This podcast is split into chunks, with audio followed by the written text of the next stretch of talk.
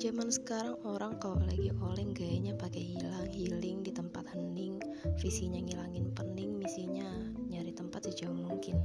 Kadang tempatnya udah jauh, bahkan sampai di ujung tebing. Habis itu dia nangis kejer, teriak-teriak, ngeluapin emosi, udah kayak orang sinting. Pulang-pulang sehari dua hari, ngerasa agak mending sih. Hari berikutnya,